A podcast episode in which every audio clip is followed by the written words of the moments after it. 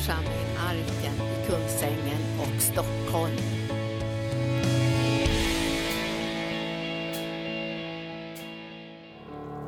Halleluja! Alltså vi längtar efter att få lyfta upp evangelium, för vi tror att vi är i en tid av väckelse. Vi tror att vi är i en tid av skörd och vi behöver lyfta blicken för att se att skörden har vitnat. Vi behöver liksom se den vitnande skörden och det måste man se genom den heliga Ande. Alltså man kan ju se behoven på ett naturligt sätt. Men lärjungarna de var ju det här naturliga hela tiden, så de förstod ju inte ens vad Jesus gjorde när han predikade för kvinnan vid, vid Sykars brunn. Det står till och med så här att han brydde sig inte om att fråga vad de pratade om.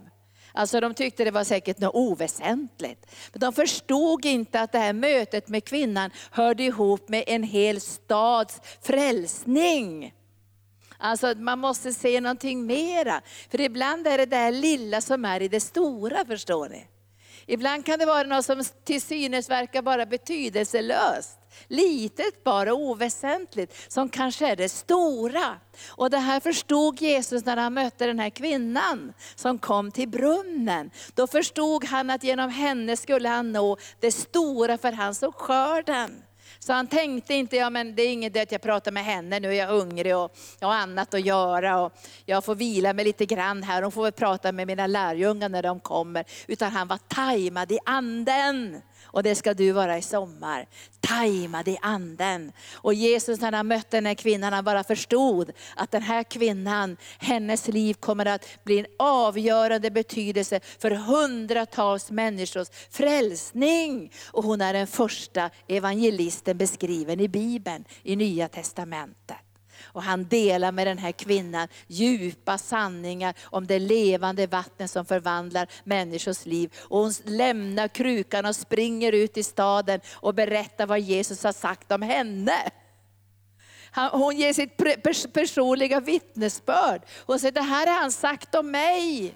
Han vet allt om mig och han har förvandlat mitt liv. Och det står att många kom till tro bara av hennes vittnesbörd. Men sen säger hon, kom och möt honom nu, kom och träffa honom nu. Och mängder med människor blir frälsta och lärjungarna står bara förstummade. Och den första frågan är, vem har gett dig mat? De fattar ingenting. Vem har gett dig mat? Har någon varit före oss och gett dig mat? Då säger Jesus, min mat är att göra hans vilja som har sänt mig. Jag ska säga, det är otroligt stimulerande att få vara en kanal för Gud. Du kan vara supersalig. Jag, jag kan, vet du, än idag kan jag minnas den här känslan. De gånger man, det, det, ibland är det så starka upplevelser när man får tala med människor om Jesus. När man blir en kanal så människor blir helade, befriade och upprättade. Och när man har ett ord från himlen till människor som verkligen förvandlar deras liv. Visst blir man glad. Vet du, jag var salig i fyra år efter mötet med de där ambassadörerna och ambassadörsfruarna i Ottawa.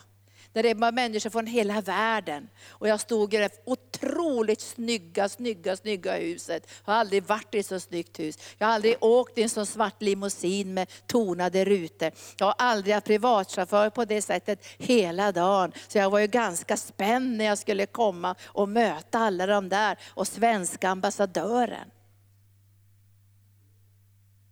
Och jag stod, jag hade inga fina kläder heller, så jag, hade liksom, jag tog och drog en, och sen en svart kjol, jag såg fläckarna på dem. Jag hade liksom inte haft med mig något fint heller. Och jag stod där, de satt på sådana otroligt snygga stolar. Och den här ambassadören som hade bjudit mig, han sa, jag frågade, vad ska jag säga till dem? Ska jag tala om, om kontakten mellan Kanada och Sverige, eller vad vill du att jag ska säga för någonting? Nej, sa han, för han var ganska nyfrälst. Du ska flöda i den helige Ande och profetera över alla och ge ditt vittnesbörd. Och jag skulle börja, jag tänkte jag måste läsa en psaltarpsalm först och engelskan var så knastrig och dålig så jag tänkte jag går härifrån. Men plötsligt bara kände jag, anden kom. Vet du, jag var salig fyra år efter det här. Vet du, det, jag blev så salig. Jag var nästan översalig. Jag, jag, jag kan faktiskt komma ihåg känslan än. Hur jag såg en som, jag stod där och knastrade, jag skulle läsa en saltasalm och så kände jag bara vågen, den kom så här. Har ni känt vågen? Den kom så här, så jag går ut på vågen. Och så gick jag ut och började tala vad Jesus hade gjort i mitt liv. Förvandlat mig från marxist till kristen, hur jag mötte Jesus, hur jag hörde tungotalet, hur mitt liv förvandlades. Och då såg jag en som började gråta. Och genast så kände jag anden gav profetord till personen. Jag gick fram och la handen på den, och sanden föll. Och så började det flöda. Och jag fick profetera över den ena och den andra och hit och dit, fram och tillbaka. Hela började komma. De blev andedöpta. Det var sådana som till och med var buddister som tog emot Jesus och blev andedöpta. Och en sa så här, jag kan inte prata engelska längre och gick och tröttade i tungor hela tiden. Och hon som kom från Sydafrika sa så här, ja men du bad ju för alla men inte för mig också. Jag har ont i höften sa hur ska det här gå? Hur ska det här gå? Vi kan inte prata svenska, vi kan inte prata engelska längre, prata bara i tungor. Och Guds ande föll i våg efter våg efter våg. Och jag stod förstummad över vad anden gjorde. Och jag var översalig. Och det började ringa in till, där, till ambassadörsplatsen. Och det började ringa in så att ambassadörens fru svarade, eller det var väl en tjänare som svarade först, ambassadörens fru kom och sa, nu måste du åka vidare, för de ringer ifrån hela det här området och vill att du ska komma och be för dem. Förstår ni att jag var salig i fyra år? Och jag tänkte det här vill jag ha varje dag ut. Och de hämtade den svarta limousinen, jag får runt i det där. Det var sådana otroliga hus. Alltså. Jag har aldrig bott i något fint hus. Jag kommer från en liten bagarstuga där jag växte upp utan vatten och utan värme och ingen toalett. Och det var sådana otroliga byggnader. Men inne i de här byggnaderna satt det förtvivlade människor med döende barn som inte var frälsta. Och jag fick, ge, jag fick ge frälsningsbudskapet, jag la händerna på dem och jag bad för dem. Och sen sa de, nu måste du till svenska ambassadören, sa de. Och då var jag övertänd i den heliga Ande. Och jag skulle få 30 minuter med svenska ambassadören. Jag fick 40 minuter, jag fick berätta om Jesus, om Jesus, om Jesus, om Jesus. Och den heliga Ande verkade med sin kraft.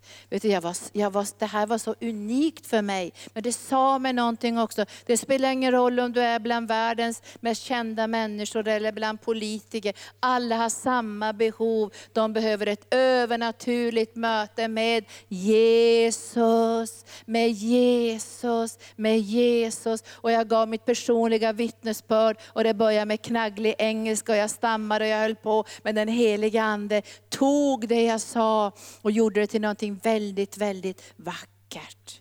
Jag var salig. Och jag skulle önska att ni alla fick uppleva under den här sommaren den där saligheten.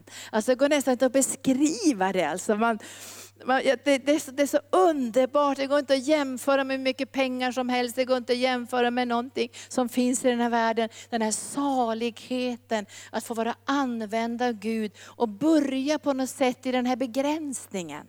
Alltså du känner, vad ska jag säga? Och alla är så fint klädda och här står jag. Vad ska, vad ska jag kunna ge här? Ditt vittnesbörd om Jesus vad han har gjort för dig, hur han har förvandlat ditt liv, ditt vittnesbörd om Jesus. Och när jag var i Kanada nu och träffade Peter Ljunggren så brukar vi alltid göra många tv-program tillsammans när jag är där. Då talar vi på engelska och han säger alltid, nu måste vi ta ditt vittnesbörd, nu måste du berätta om vad Jesus har gjort i ditt liv. Och så ställer han sådana, han ställer sådana fram och säger, oh you are a communist. Det vet ju Peter Ljunggren. Oh you are a communist. Han drar på liksom där ordentligt. Och sen ska jag berätta, oh, jag var i de här vänsterradikala kretsarna och skulle aldrig gått in i en kyrka, jag skulle aldrig ha brytt mig om något sånt där. Men så fick jag mötet med det här övernaturliga. Och när jag, när jag hörde tungotal för första gången så blev jag frälst. Därför det var det vackraste jag någonsin har hört. Och så känner man, när man bara berättar det, då vill man ju bara gråta för man blir så salig och tänker,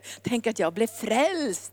Tänk att jag blev förvandlad. Tänk att jag nu kan vara ett vittne för Gud. Och det ska du få vara. Och det är det som är pingsbudskapet. Det är så att säga essensen av pingsbudskapet. Ni ska få kraft från höjden och vara hans vittnen. Tack Jesus. Halleluja. Och då ska vi börja predikan idag. Det här var inledningen. Halleluja. Kände ni nu? Ska vara tajmare i anden, börja be hela tiden. Finns det någon jag kan vittna för? Man kanske aldrig får tillfälle någon fler gång i livet att vittna för massor med ambassadörsfolk. Men du kommer alltid få möjlighet att vittna för din granne, din vän, din kollega, någon på Coop, någon på ICA, någon som du möter, någon som är tiggare ute. Du får alltid möjligheten att berätta om Jesus och det är lika saligt varje gång. Tack Jesus. Då ska vi titta i Efesierbrevet kapitel 2, sen ska vi tala om pingsten. Vet du, pingsten på den tiden innan anden föll, det var ju en ganska stor högtid i Israel. Det var som en skördefest. Som man liksom gav sig liksom av sin, sin skörd som en offergåva till Herren. Så det var ju folk samlade från alla håll i Jerusalem. Tusentals människor var samlade i den här skördefesten, eller skördehögtiden som var just den här pingsthögtiden. Så det är ganska intressant att se att Gud samlade alla de människorna just på pingsten. Och det var ju araber och det var judar och det var folk från olika länder som hade samlats i Jerusalem. Tusentals människor. Och jag tycker om det där skördehögtiden, för det säger någonting profetiskt. När anden faller så är det för skörden. Det är för skörden som anden faller. Anden faller inte bara för att du och jag ska få en upplevelse. Anden faller för skördens inbärgande. Vi kan inte bärga in skörden utan en övernaturlig smörjelse i den helige Ande, eller hur? Den här skördehögtiden skulle inte bara då att judarna skulle få sin Messias, utan alla folk från alla stammar utöver hela jorden skulle kunna få möjlighet att bli frälsta. Det skulle vara en plats där man fick vidga sina, sitt sinne, öppna sina ögon och se skörden. Att se skörden är övernaturligt. Vi måste se tillsammans med Jesus och pingsten hör ihop med skörden. Men först ska vi läsa Efesierbrevet kapitel 2 och versen 19. För det här hör också ihop med pingsten. Vi är inte främlingar längre. Vi är inte gäster i Guds hus. Vi är gäster och främlingar i den här världen. Och vi kommer att bli mer och mer gäster och främlingar i den här världen. Vi är pilgrimer på väg till himlen. Men vi ska inte vara gäster och främlingar i Guds församling. Jag vill inte vara gäst i arken. Så att jag kommer någon gång då och då när jag är gäst i arken. Jag vill känna att det här är mitt hem. Ni är mitt, ni, vi är husfolket här. Vi är tillsammans ska vi göra någonting underbart och ljuvligt. Och då står det så här, ni är inte längre gäster och främlingar, utan medborgare med de heliga och medlemmar i Guds familj. Medlem är inte samma sak som att vara medlem i PRO, betala din medlemsavgift. Utan utan det är att vara en medlem, en del av en kropp. Det är inte en medlem så att jag är medlem i den föreningen eller medlem, utan du är en medlem. Alltså vi sitter ihop för ett särskilt syfte, vi är medlemmar. Vi är inte gäster och främlingar, utan vi är medlemmar och medborgare. Vi har medborgarskap. Nu pratar man mycket om medborgarskap i olika politiska partier, att medborgarna de ska ha företräde till sjukvården och medborgarna. Och jag vet ju att min pappa och mamma var med och byggde upp det här samhället och min pappa var ju socialdemokrat och var med och byggde upp och arbetade för olika saker. Och så talar man om medborgarskap. Jag tror väldigt mycket på att man måste vara medborgare i ett land. Jag älskar Sverige. När jag har bott utomlands så längtar jag hem till Sverige.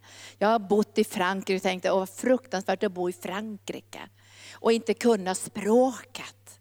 Alltså det gick inte att lära sig franska, nu har jag inte någon intelligens på språk. Men det gick inte att lära sig franska. De pratar så fort. Och jag kände mig alltid som en utböling. Och jag jobbade, jag läste, jag skulle läsa vid Sorbonne, filosofi och psykologi. Det gick ju uruselt. För de kunde mer om våra svenska kungar än jag. Så de började fråga mig, kan du inte berätta lite grann om här, den där historiken om de svenska kungarna? Och jag ungefär, vilka då svenska kungar? De kunde faktiskt mera om Sveriges historia än vad jag kunde.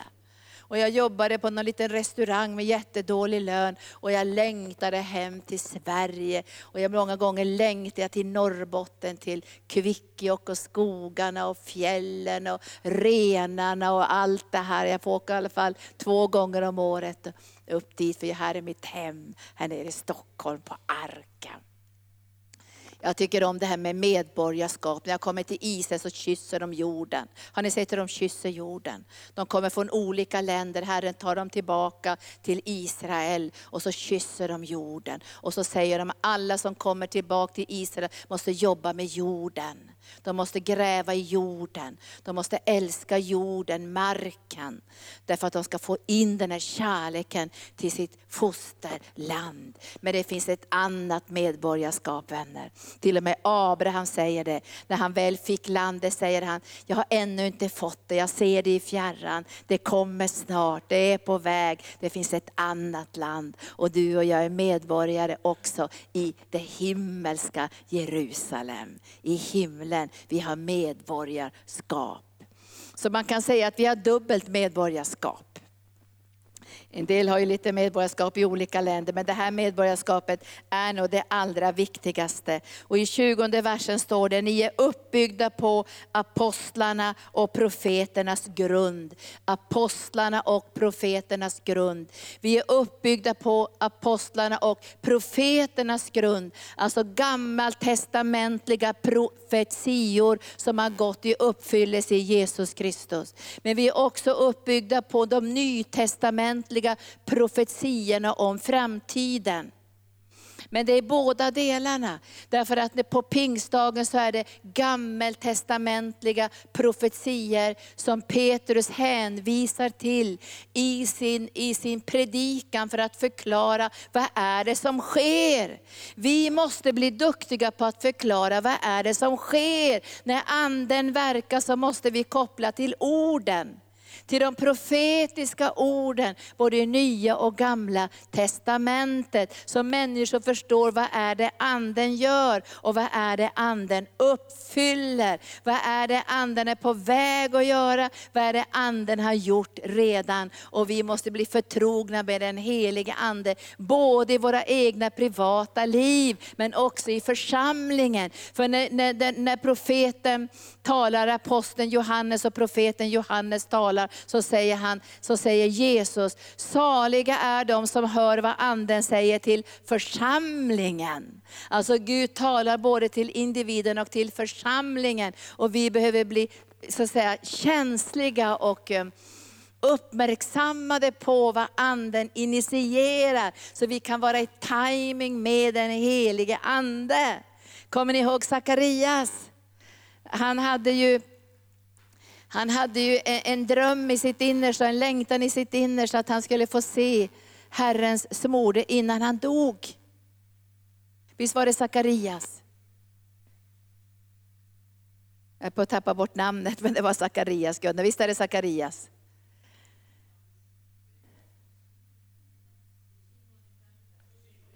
Det är inte Sakarias. Ni får inte, ni får, nu måste ni säga ifrån när jag säger fel här. Simeon. Det var i Sakaria, det är en helt annan historia. Nu får ni vara uppmärksamma. Simeon. Han hade en dröm och en längtan och så sa han, Herre, jag skulle vilja så se Herrens mode innan jag dör.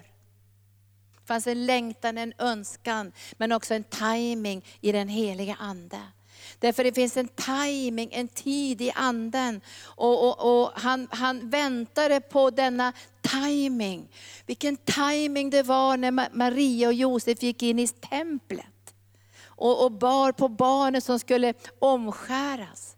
Och då hör Simeon att han ska gå in i templet och han skyndar sig in i templet. Det är timing i den heliga ande och han får se det här barnet. Samma med Hanna i templet. Det är timing. Hon ber, hon söker Herren, hon fastar. För hon vill vara i timing när Messias ska, ska bäras in i templet. Och då kommer den heliga Ande och pekar precis på detta unga par som kommer in i templet. Och hon vet på en gång, det är Messias och predikar för alla. Det finns en timing. Och vi ska se här nu i i, i, i, i, både gamla och nya testamentet och sedan apostlarna och profeternas grundval. Vi byggs till någonting. Alltså vi byggs till någonting. Och, och det står ifrån Efesierbrevet 2, jag läser vidare. Ni är byggda på apostlarna och profeternas grund, där hörnstenen är Kristus Jesus själv. I honom i honom fogas hela byggnaden samman och växer upp till ett tempel i Herren. Och i honom blir också ni sammanbyggda till en boning åt Gud genom anden. En boning åt Gud genom anden. Så anden håller på med ett byggnadsverk i den här världen för att få en uppenbarelseplats för Jesus. Och vi är med i den planen. För att Gud ska ha en plats och platser i den här världen där skörden ska inbärgas en boning åt sitt namn, en boning åt sitt hjärta, en boning åt sin härlighet. Och vi sammanbyggs tillsammans och växer upp till ett heligt tempel i Herren för hans skull. Och det här har vi sagt ja till och vi har förstått att det här är någonting som den helige Ande gör. Och vi behöver säga ja till Andens verk både i våra egna liv och i församlingen. Eller hur? Vi säger amen till det, för vi önskar att anden ska få så mycket, mycket, mycket utrymme som det bara går i våra egna liv och i församlingen, för att den här världen ska kunna bli frälst och få det här stynget i sina hjärtan. I Johannes evangelium kapitel 7, versen 37, så ropar Jesus, och då är det lövhyddehögtidens, så säger en av de sista dagarna, viktigaste dagen, så ropar han så här, om ni är törstiga så kom till mig och drick. Och sen börjar han förklara att det kommer att, för att om ni tror på mig, säger han, om ni tror på mig så kommer ni att få en källa på insidan. Om ni tror på mig, hörnstenen är Jesus Kristus. Om ni tror på mig så kommer ni få en källa på insidan som flödar fram med evigt liv. Och så står det, detta sade han om anden. Detta sade han om anden som ännu inte var utgjuten, för Jesus var ännu inte förhärligad. Johannes evangelium kapitel 7 och 37. Anden var ännu inte utgjuten, för Jesus var ännu inte förhärligad. Och därför vet du och jag att pingstens mirakel hade inte kunnat ske om Jesus inte hade burit in sitt eget blod i det allra heligaste. Och Gud hade sagt, allt är klart, nu kan anden falla. Och jag tror att anden var lycklig. Alltså jag får, jag får sådana här rysningar när jag tänker på när anden sa, får jag åka snart, får jag åka snart? När Jesus stod där och, och sa, ni som är törstiga kom till mig och drick för att jag lovar att från era innersta ska anden flyta fram. Då tror jag anden sa i himlen, får jag åka, får jag åka? Nej, nej, nej, det är inte, inte än, inte än, inte än, inte än. För Jesus är ännu inte förhärligad, han har inte uppstått ifrån de döda. Blodet har inte budits in i det heligaste av heligaste. Försoningen är ännu inte fullbordad på det sättet att anden kan utgjutas. För Jesus måste lämna den här världen fysiskt, åka upp till himlen sätta sig på Faderns högra sida och alla fiender ska läggas under hans fötter som en fotapall. När ni läser Apostlagärningarna som jag ska läsa nu, så står det, hänvisar man till Joshua bok där det står att när man vann seger över fienden och seger över fiendens kungar, så fick de lägga sig på marken och så satte man fötterna på deras nacke nacke. Det var precis det som Jesus gjorde. Han satte fötterna på fiendens nacke och vann en fullkomlig seger och satte sig på Faderns högra sida. Då kunde anden utgjutas. Och anden nöjde sig inte att komma bara som en stilla viskning och vind i, ett, i något hus någonstans där ingen var.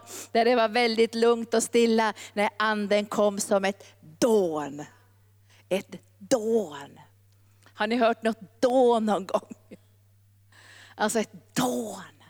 Alltså ett dån väcker ju människor. Ett dån är ju inte bara en stilla susning som Elisa, eller Elia fick uppleva. För när anden föll så föll den som ett dån. För att alla tusentals människor i Jerusalem skulle höra att någonting var på gång. Halleluja! Hur vill vi ha anden? Lite stillsamt i något litet rum någonstans när ingen hör oss. Eller vill vi ha ett dån? Vill vi att det ska hända någonting? Jag ställer frågan.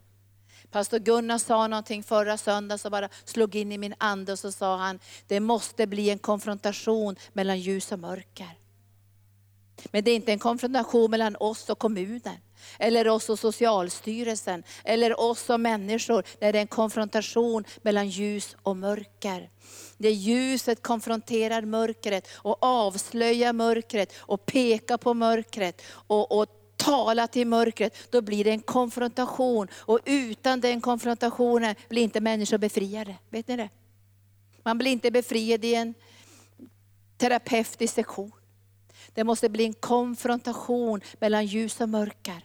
Så att ljuset tränger in i mörkret och avslöjar mörkret och säger, det här är mörker. Och då blir det en reaktion. Och det här kunde vi se när Jesus gick på jorden, så blev det konfrontation. Och många gånger blev det konfrontation utan att ens Jesus hade sagt någonting. Därför att han var ljuset.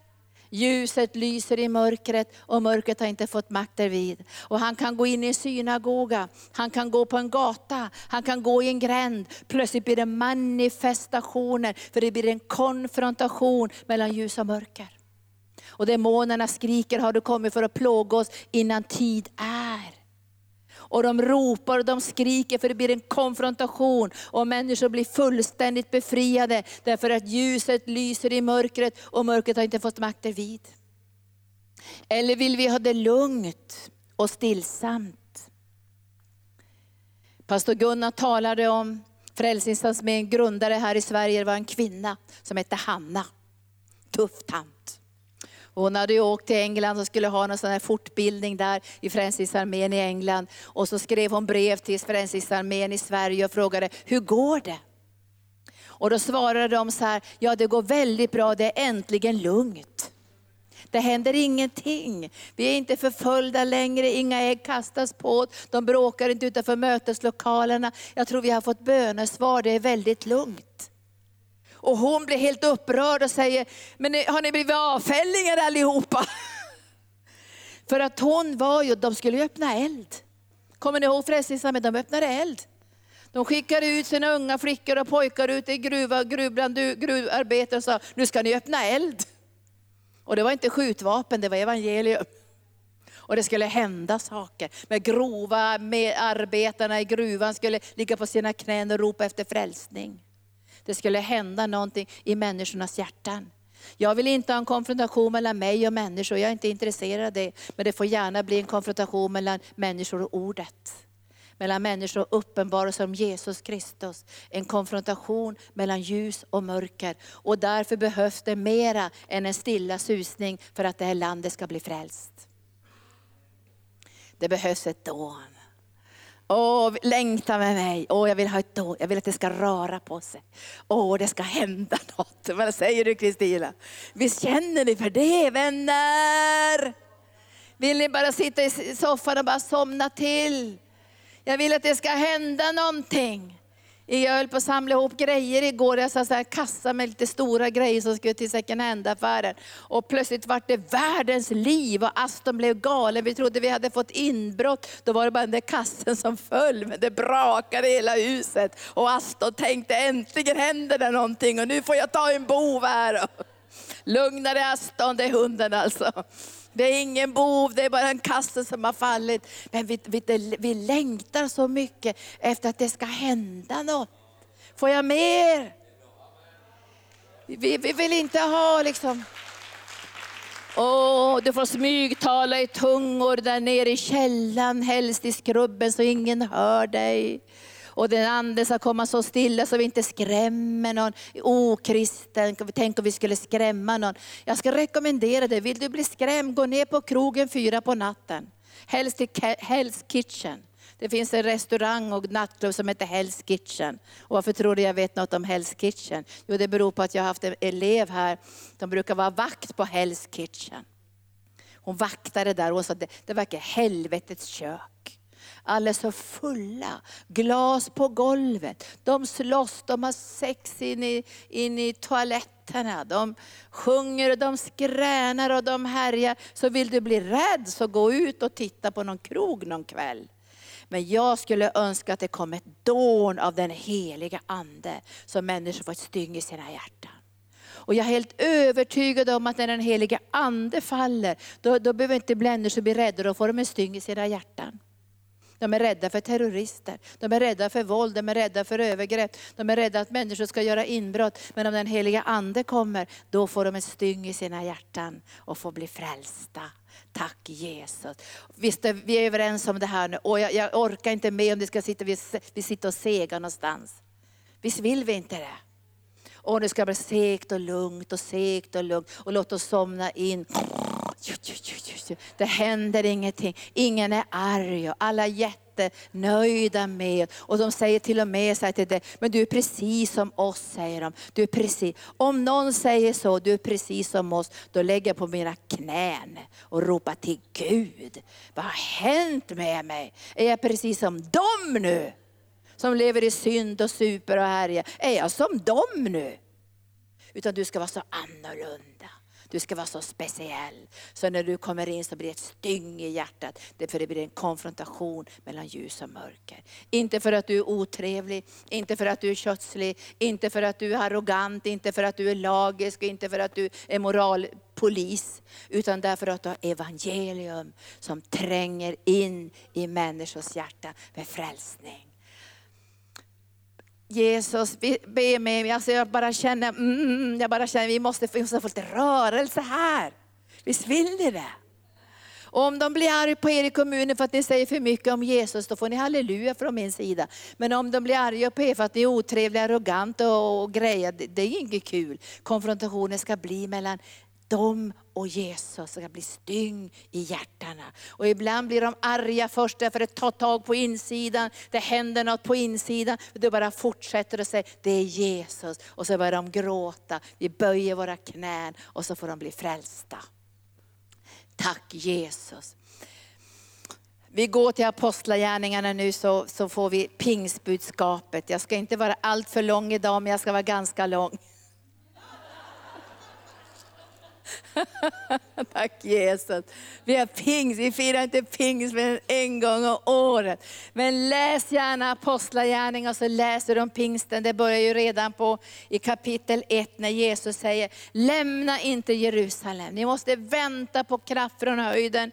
Därför Johannes döpte er med vatten, men ni ska bli döpta i den heliga ande. Vet ni att man predikar inte ofta om dop i den heliga ande längre?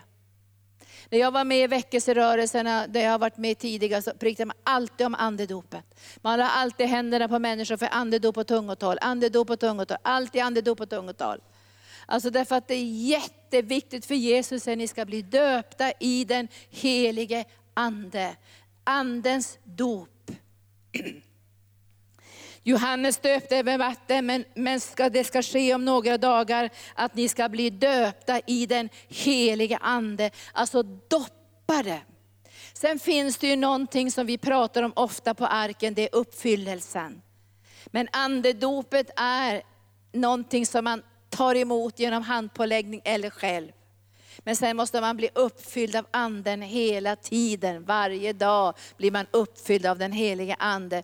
Men man blir döpt i den helige ande, alltså andens dop.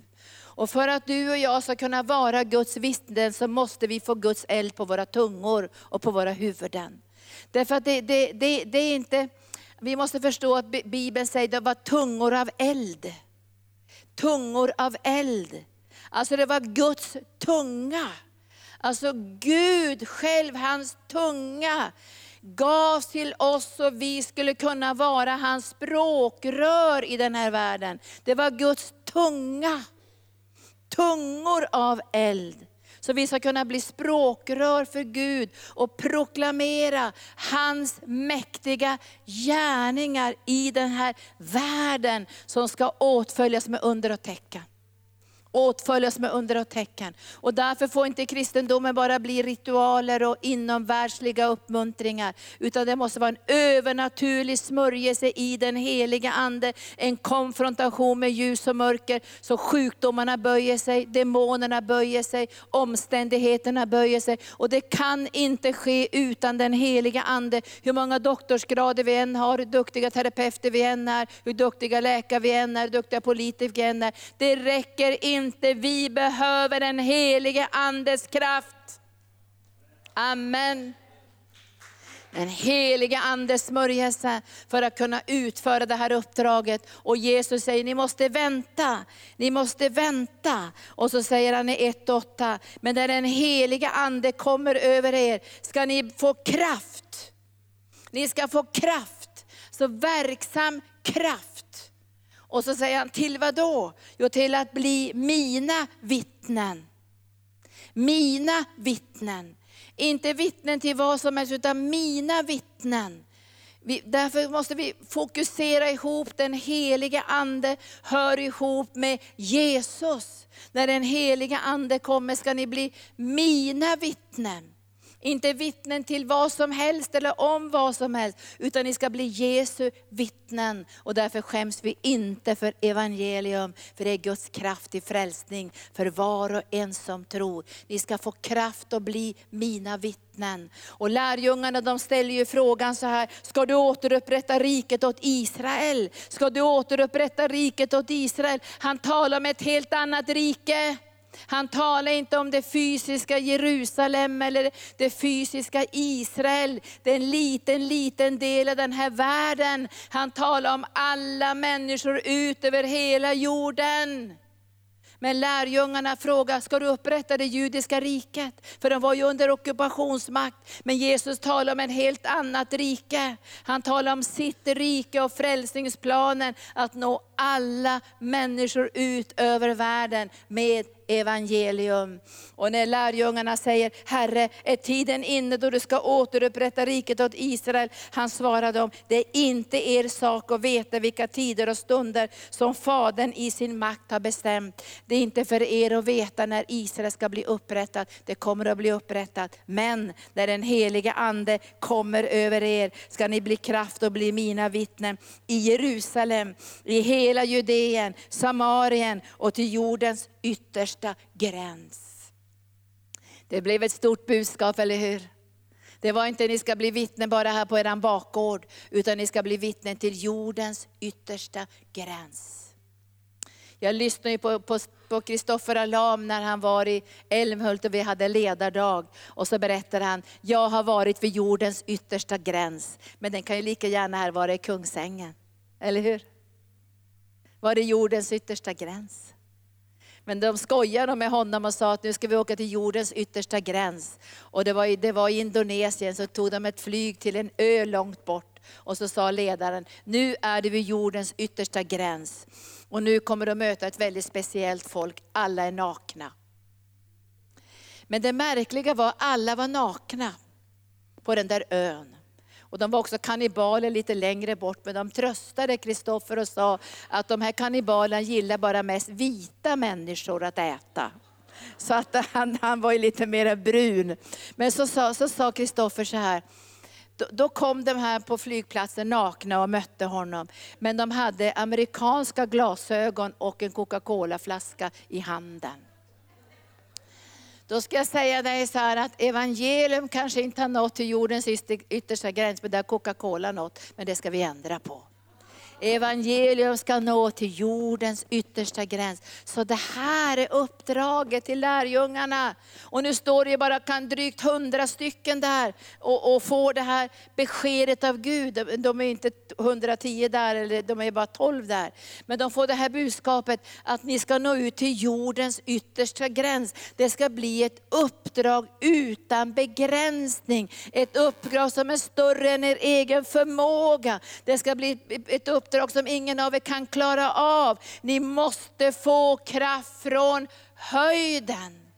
Och det här känner jag är så avgörande för församlingstillväxt och att vi ska orka med det vi ska göra. Vi behöver kraft från höjden. Annars blir allt det här bara jobbigt för oss. Vi orkar inte med det.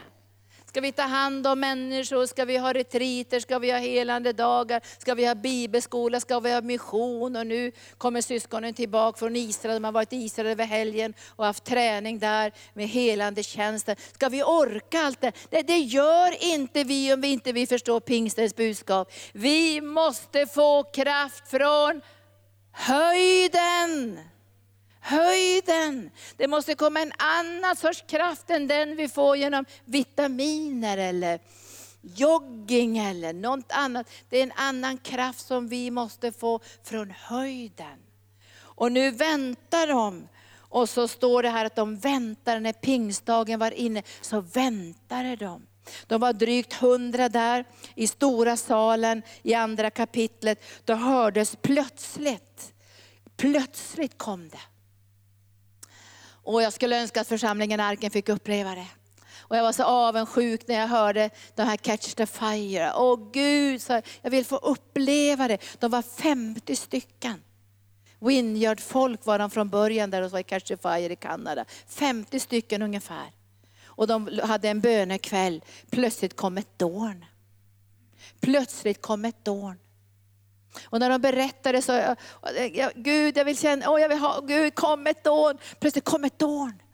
Och de var följt till golvet allihopa. De bara låg och ropade på golvet, det kom ett dån. Och plötsligt var de uppfyllda av den heliga Ande på ett sätt de aldrig varit tidigare. Och vet ni, det dröjde inte länge förrän miljoner människor kom från hela världen för att få del av Guds eld.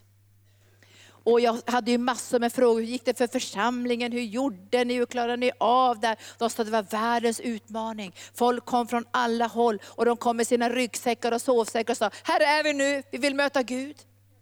Men vem ska leda lovsången? Vi har ju nästan inga lovsångare. De fick sjunga till de var helt hesa. Vem ska predika? Till sist spelade det ingen roll vem som predikade knappt, för alla ville bara möta Gud och låg under kraften. Hur ska du gå med toaletten? Det blir stopp i toaletterna. De sa så här, men, men vi har så mycket toalettpapper nu. Förut så sa de, toalettpapper brukar räcka ett helt år.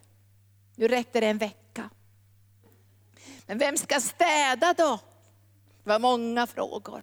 Men det var Guds eld som hade fallit. Och jag säger att de här frågorna om toalettpapper och vad folk ska vara och så här. Det är andrahandsfrågor för mig. Men jag längtar efter the fire of God. Vad säger du Torbjörn? The fire of God. Ni känner nu vad ni har äggat eggat upp för det här. Det känner så här, får vi inte Guds eld? Åh, toalettpapper får ta slut. Åh, rören får täppas igen. Åh, vi hinner inte städa varje vecka. Men om vi inte får elden, då står vi inte ut. Tack Jesus. Halleluja. Åh, jag har intervjuat dem om utmaningarna, vilka utmaningar de hade. Och det var tiden när församlingsmedlemmarna sa, vi orkar inte med det här. Vi vill ha vanlig församling, det är lugnt och skönt. Vi vill inte här vara på och bemöta människor från, från alla håll, och från Afrika och Indien och Amerika och allt var de kom ifrån. Det vi vill ha lugnt och skönt i församlingen. Så det var en del som till och med lämnade församlingen, för de stod inte ut med att det kom så många för att mötas av Guds ande. Men jag tror att församlingen Arken är redo. Församlingen Arken är redo. Vi kommer att säga välkommen heliga Ande. Dåna till. Halleluja. Och vilket dån, vilket dån. Och det står, det hördes ett dån från himlen, som en våldsam storm drog in. Alltså de här som berättar om stormar i Filippinerna och tornados i Amerika. Det är som ett snälltåg går rakt genom huset. Har ni hört om sådana stormar? I, i, i Tacloban så försvann hela stan. Det var, det var så en stormstyrka så du och jag kan inte ens tänka oss in i den stormstyrkan där hela hus bara försvinner, bara blåser husen borta. Alltså det här var andens storm och andens storm förstör inte, den bryter inte ner, den skadar inte, den förvandlar. Och det här vill jag säga till er idag, för många är rädda för anden och tänker, ja men om anden kommer då blir det bara ored och allt blir förstört och vi får inte lugn och ro någon längre. Nej, lugn och ro kanske vi inte riktigt får på det sättet, men kul får vi. Vi blir använda av Gud. Halleluja. Som en storm drog in. Det var inte bara är anden här? Nej men där är anden. Men kanske han kommer där? Nej men han är i kafeterian. Nej, det var en storm. Så slog anden in. Och det står så här att tungor av eld visade för dem och fördelade sig och satte sig på var och en av dem. Och alla, det var både män och kvinnor där på övre salen, alla blev uppfyllda av den heliga Ande. Och Anden fördelade sig och satte sig på var och en av dem. Och de uppfylldes av den heliga Ande och började tala främmande språk som anden ingav dem att tala. Alltså nu kommer vi in i en, i en situation på pingstdagen som vi alla här längtar efter att få uppleva mer eller mindre. Visst gör vi det? Alltså det här är vårt vatten, det här är vårt liv, det här är den konfrontationen vi vill ha. Och de var ju i övre salen, men det måste ha varit ett sånt dån, en sån närvaro av Gud. Så de här lärjungarna och de här människorna, de här hund, drygt hundra, måste ha gått ut ur övre salen nästan på en gång. För alla hörde sina egna språk talas. Tusentals människor. Och det står så här att de var de var förvirrade. Och en del var hånfulla och sa, de är, de är fulla av sött vin. Det måste ha varit dramatiskt. Det var inte procession. Det var dramatiskt. Vill vi ha dramatisk kristendom eller vill vi ha fin kristendom i finrummet? Vill vi ha en stilla procession eller vill vi ha andens huller om buller? Det måste ha varit dramatiskt. Det måste ha varit otroligt dramatiskt. För först hör alla ett dån, sen blir de förvirrade, sen blir de hånfulla. För de här människorna måste ju ha sett ut som de var druckna. Alltså de gick omkring och talade främmande språk och alla de här människorna hörde sitt eget språk. Hur i all världen hade de kunnat höra det i detta kakalorum? Den helige ande kan göra ordning i oordningen vänner. Ordning i oordningen. Och alla kunde höra sitt språk. De hörde inte vad som helst. De hörde inte politiska agender eller andra saker. De hörde om Guds mäktiga gärningar. Och de är förtvivlade en del. En del är förvånade, de är bestörta. De ställer frågor, vad är det här för någonting? Vad är det som händer, vad är det som händer, vad är det som händer? Och då predikar Petrus. Och nu kommer jag tillbaka till det som jag tog i inledningen, profeterna och apostlarnas grundvalar. Han hänvisade omedelbart till Joels profetiska ord. Det var det första han profeterar och säger, vänner, vänner, vänner, det här är ingenting konstigt som sker nu vänner. Utan det är faktiskt så att Guds ord genom Joel har precis nu uppfyllts inför era ögon och inför era öron. Nu är det en uppfyllelse av denna profetia, att Guds ande ska falla över allt kött och, och sönerna och döttrarna, tjänarna och tjänarinnorna. Gud kommer att omintetgöra varje mur mellan människor, alla klasskillnader, alla könsskillnader och alla kan få tungor av eld och bli Guds språkrör i den här världen. För Gud behöver alla för att föra ut evangelium, för skörden ska bärgas, skörden ska bärgas, skörden ska bärgas. Vi måste få skördarbetare.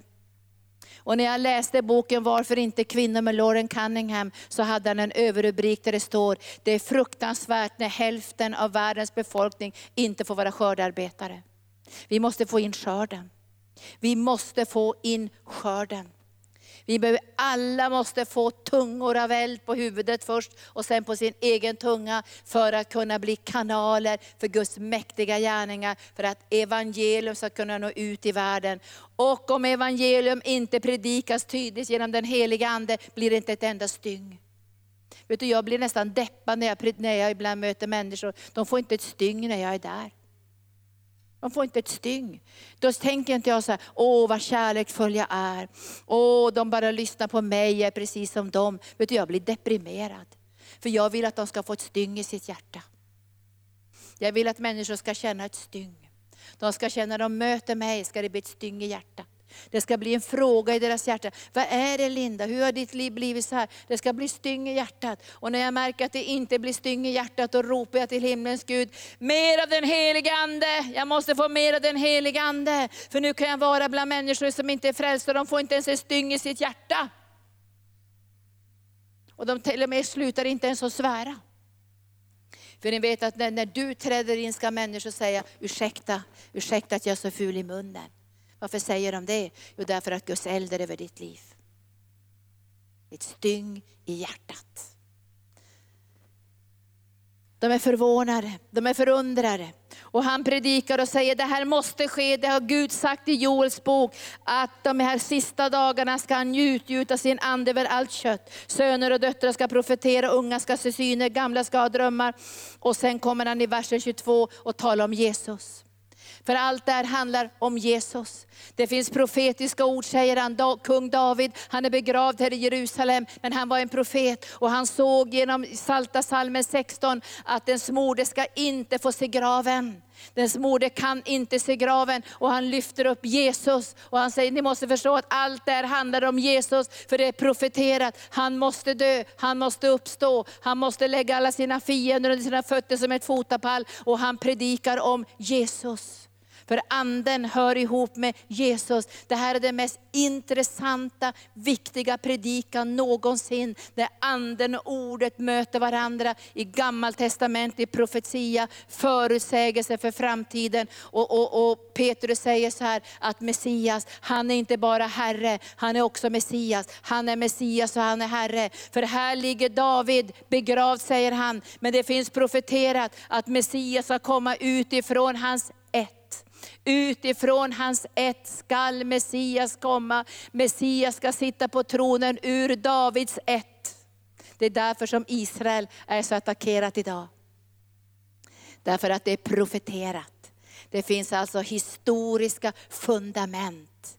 Det är inte bara slags flummighet när det gäller evangelium, det finns historiskt beskrivet.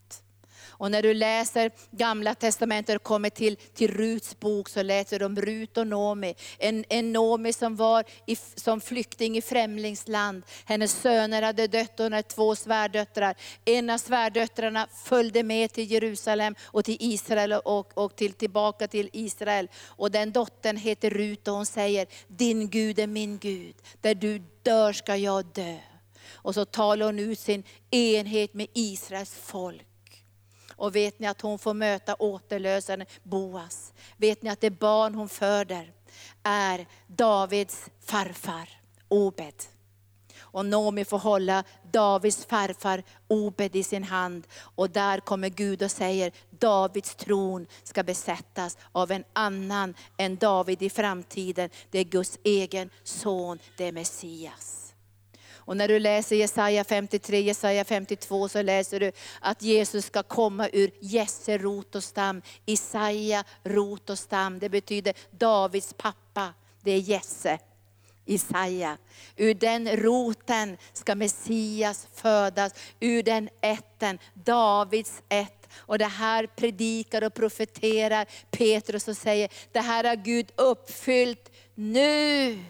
Och han predikar ut ordet om det profetiska, andens utgjutelse, om Jesus Kristus, om den tronplatsen som Jesus ska få i den här världen, men också i den eviga världen. Och sen börjar det hända någonting i dem som lyssnar. Därför att när ordet och anden blandas så blir det ett styng i människornas hjärta.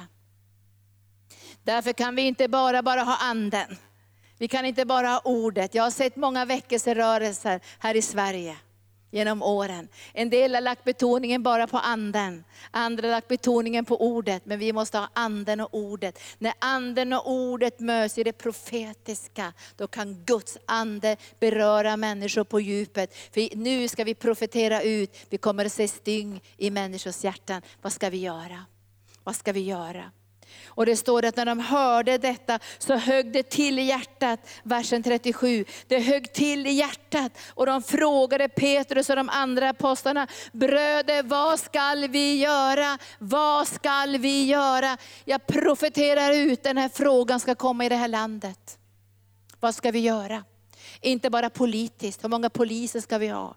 Hur, vad ska vi göra när terroristerna kommer? Vad ska vi göra när det sker sådana här knivdåd? Och det skedde också i Israel, inte så långt ifrån där vi var när vi var i, i, i Jerusalem.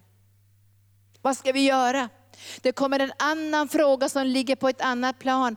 Vad ska vi göra med Guds frälsningserbjudande? Vad ska vi göra med Jesus? Det är den frågan jag tror att Gud kommer att lägga i hela svenska folket. Sen behöver vi också politiska beslut, vi behöver andra saker. Men det är den här frågan jag längtar efter att människor ska ställa. Vad ska vi göra? Vad ska vi göra för att bli frälsta? För det är bara Jesus som kan ändra terrorister. Tänk att det finns unga människor som är beredda att dö. Kan ni tänka er det? De är beredda att dö när de dödar andra. För de har en ideologi som är så våldsam att de är beredda att dö när de dödar andra oskyldiga människor. Tror ni att, att påverkan politiskt kan ändra dem? Tror ni att det, är, att det är tusen poliser till som kan ändra dem? Det är bara evangelium med kraft från höjden som kan förvandla människors liv så vi kan gå från hat till kärlek. Där våra liv kan bli förvandlade och därför måste vi få mera av den helige Ande. Kom som ett dån! Åh, oh, jag vill vara med när det dånar till. Halleluja. Eller hur Jonny, du vill vara med också, Monica, när det dånar till. Du vill inte bara sitta och tänka att det kanske sker om 20 år. 20-30 år, då är inte vi ens här. Men vi vill vara med när det dånar till. Och vet ni att i, i Catch the Fire i Toronto pågår det fortfarande. Därför, jag har frågat dem ibland, var, var, var, hur kan det pågå fortfarande? Vi är rädda om den helige Ande. Vi är rädda om Andens närvaro, vi är rädda om flödet av den heliga Ande. Vi är rädda om betjäningen, att Anden ska få verka i människors liv. Det blev ett styng i människornas hjärtan. Och nu ska ni få höra vad de svarar för någonting. Petrus svarade. Alltså vi behöver ha svar till människor. Vad ska vi göra? Vad ska vi göra? Och då säger han så här, omvänd er och låt alla döpas i Jesu Kristi namn, så att era synder blir förlåtna. Då får ni den helige Ande som gåva. Och löftet gäller er och era barn och alla de som är långt borta och alla som Herren vår Gud kallar. Alla människor kan få bli frälsta och det är Guds plan barn, men det går inte utan den Helige Ande. Och, och därför så känner jag så här att den här tiden som kommer nu ska vi ropa till Gud, kom heliga Ande. Och vi ska inte vara rädda för konfrontationen mellan ljus och mörker. Var inte rädd för den, den måste komma. Det går inte att bli befriad bara man säger, åh jag har ett problem. Utan vi måste se, finns det ett mörker som måste lösas utifrån den här människans liv? Och den konfrontationen kan vi inte göra i köttet. Det måste bli en konfrontation mellan människan och ordet, mellan människan och den heliga Ande, så att mörkret får avslöjas. För ibland vet vi inte vilket mörker vi har i våra liv. Förrän ljuset kommer. Då märker vi det. Jag är ju bunden i det här, de här tankebyggnaderna, i den här slöheten, i den här världsligheten. Jag är ju bunden i de här sakerna. Men då tack gode Gud att ljus kom i mitt liv, annars hade jag kanske inte sett det. Och då är det mitt val när ljuset kommer i mitt mörker att säga, kom helige Ande, rensa undan allting. Kom helige Ande och sopa bort det från mitt liv. För jag vill leva i elden, smörjelsen, konfrontationen, genombrotten. Nu längtar inte jag efter förföljelse, det är inte det jag längtar efter. För det var inte kul att ha förföljelse, det har varit vissa sådana tider. Men jag längtar efter att se hur mörkret böjer sig. Hur Jesus sätter sin fot på fiendens nacke, Cancern får böja sig, mörkret får böja sig, hjärtproblemen får böja sig, reumatismen får böja sig. Allt det får böja sig. Och varför böjer det sig? Jo, därför att konungarnas konung har lagt alla fiender under sig som en fotapall. Alltså från, från Joshua bok, han satte sin fot på fiendens nacke för att proklamera i den heliga ande. Mörkret är besegrat och ljus det bryter fram. Halleluja. Halleluja. Och nu... Halleluja. Och nu tror jag nog, jag vet inte hur det är idag, att de flesta av er är döpta i den heliga Ande.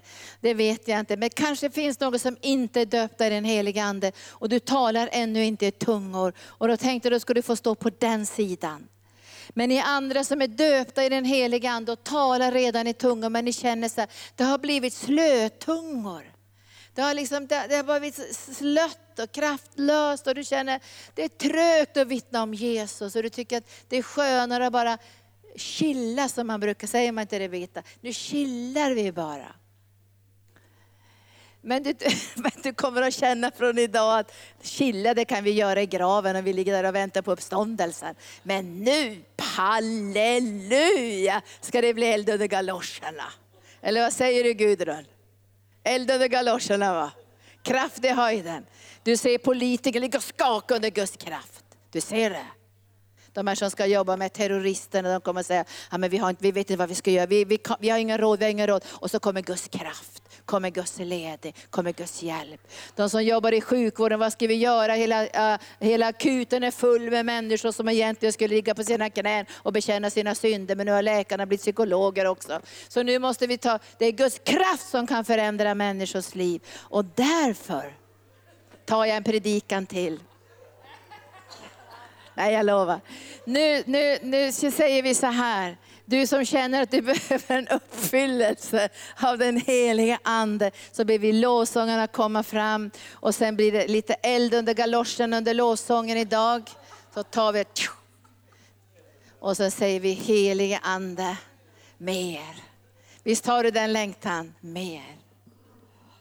Det är ingenting vi kan åstadkomma, det hjälper inte om vi lägger händerna på er heller, utan vi måste att den heliga Ande kopplar ihop med din längtan på insidan. Mer av den heliga Ande. Och så ska vi bara ställa oss här framme och sen ska vi be att Gud bara ska få fylla oss. Vi ska inte lägga händerna på någon idag, utan vi ska be att Gud ska få fylla er. För det här är en mötesplats mellan dig och Jesus.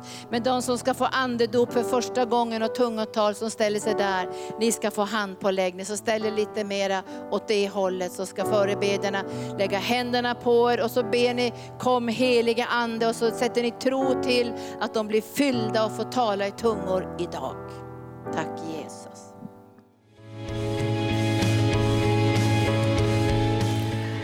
För att du har lyssnat. Vill du få del av mer information om församlingen Arken, vår helande tjänst, bibelskola och övriga arbete, gå in på www.arken.org.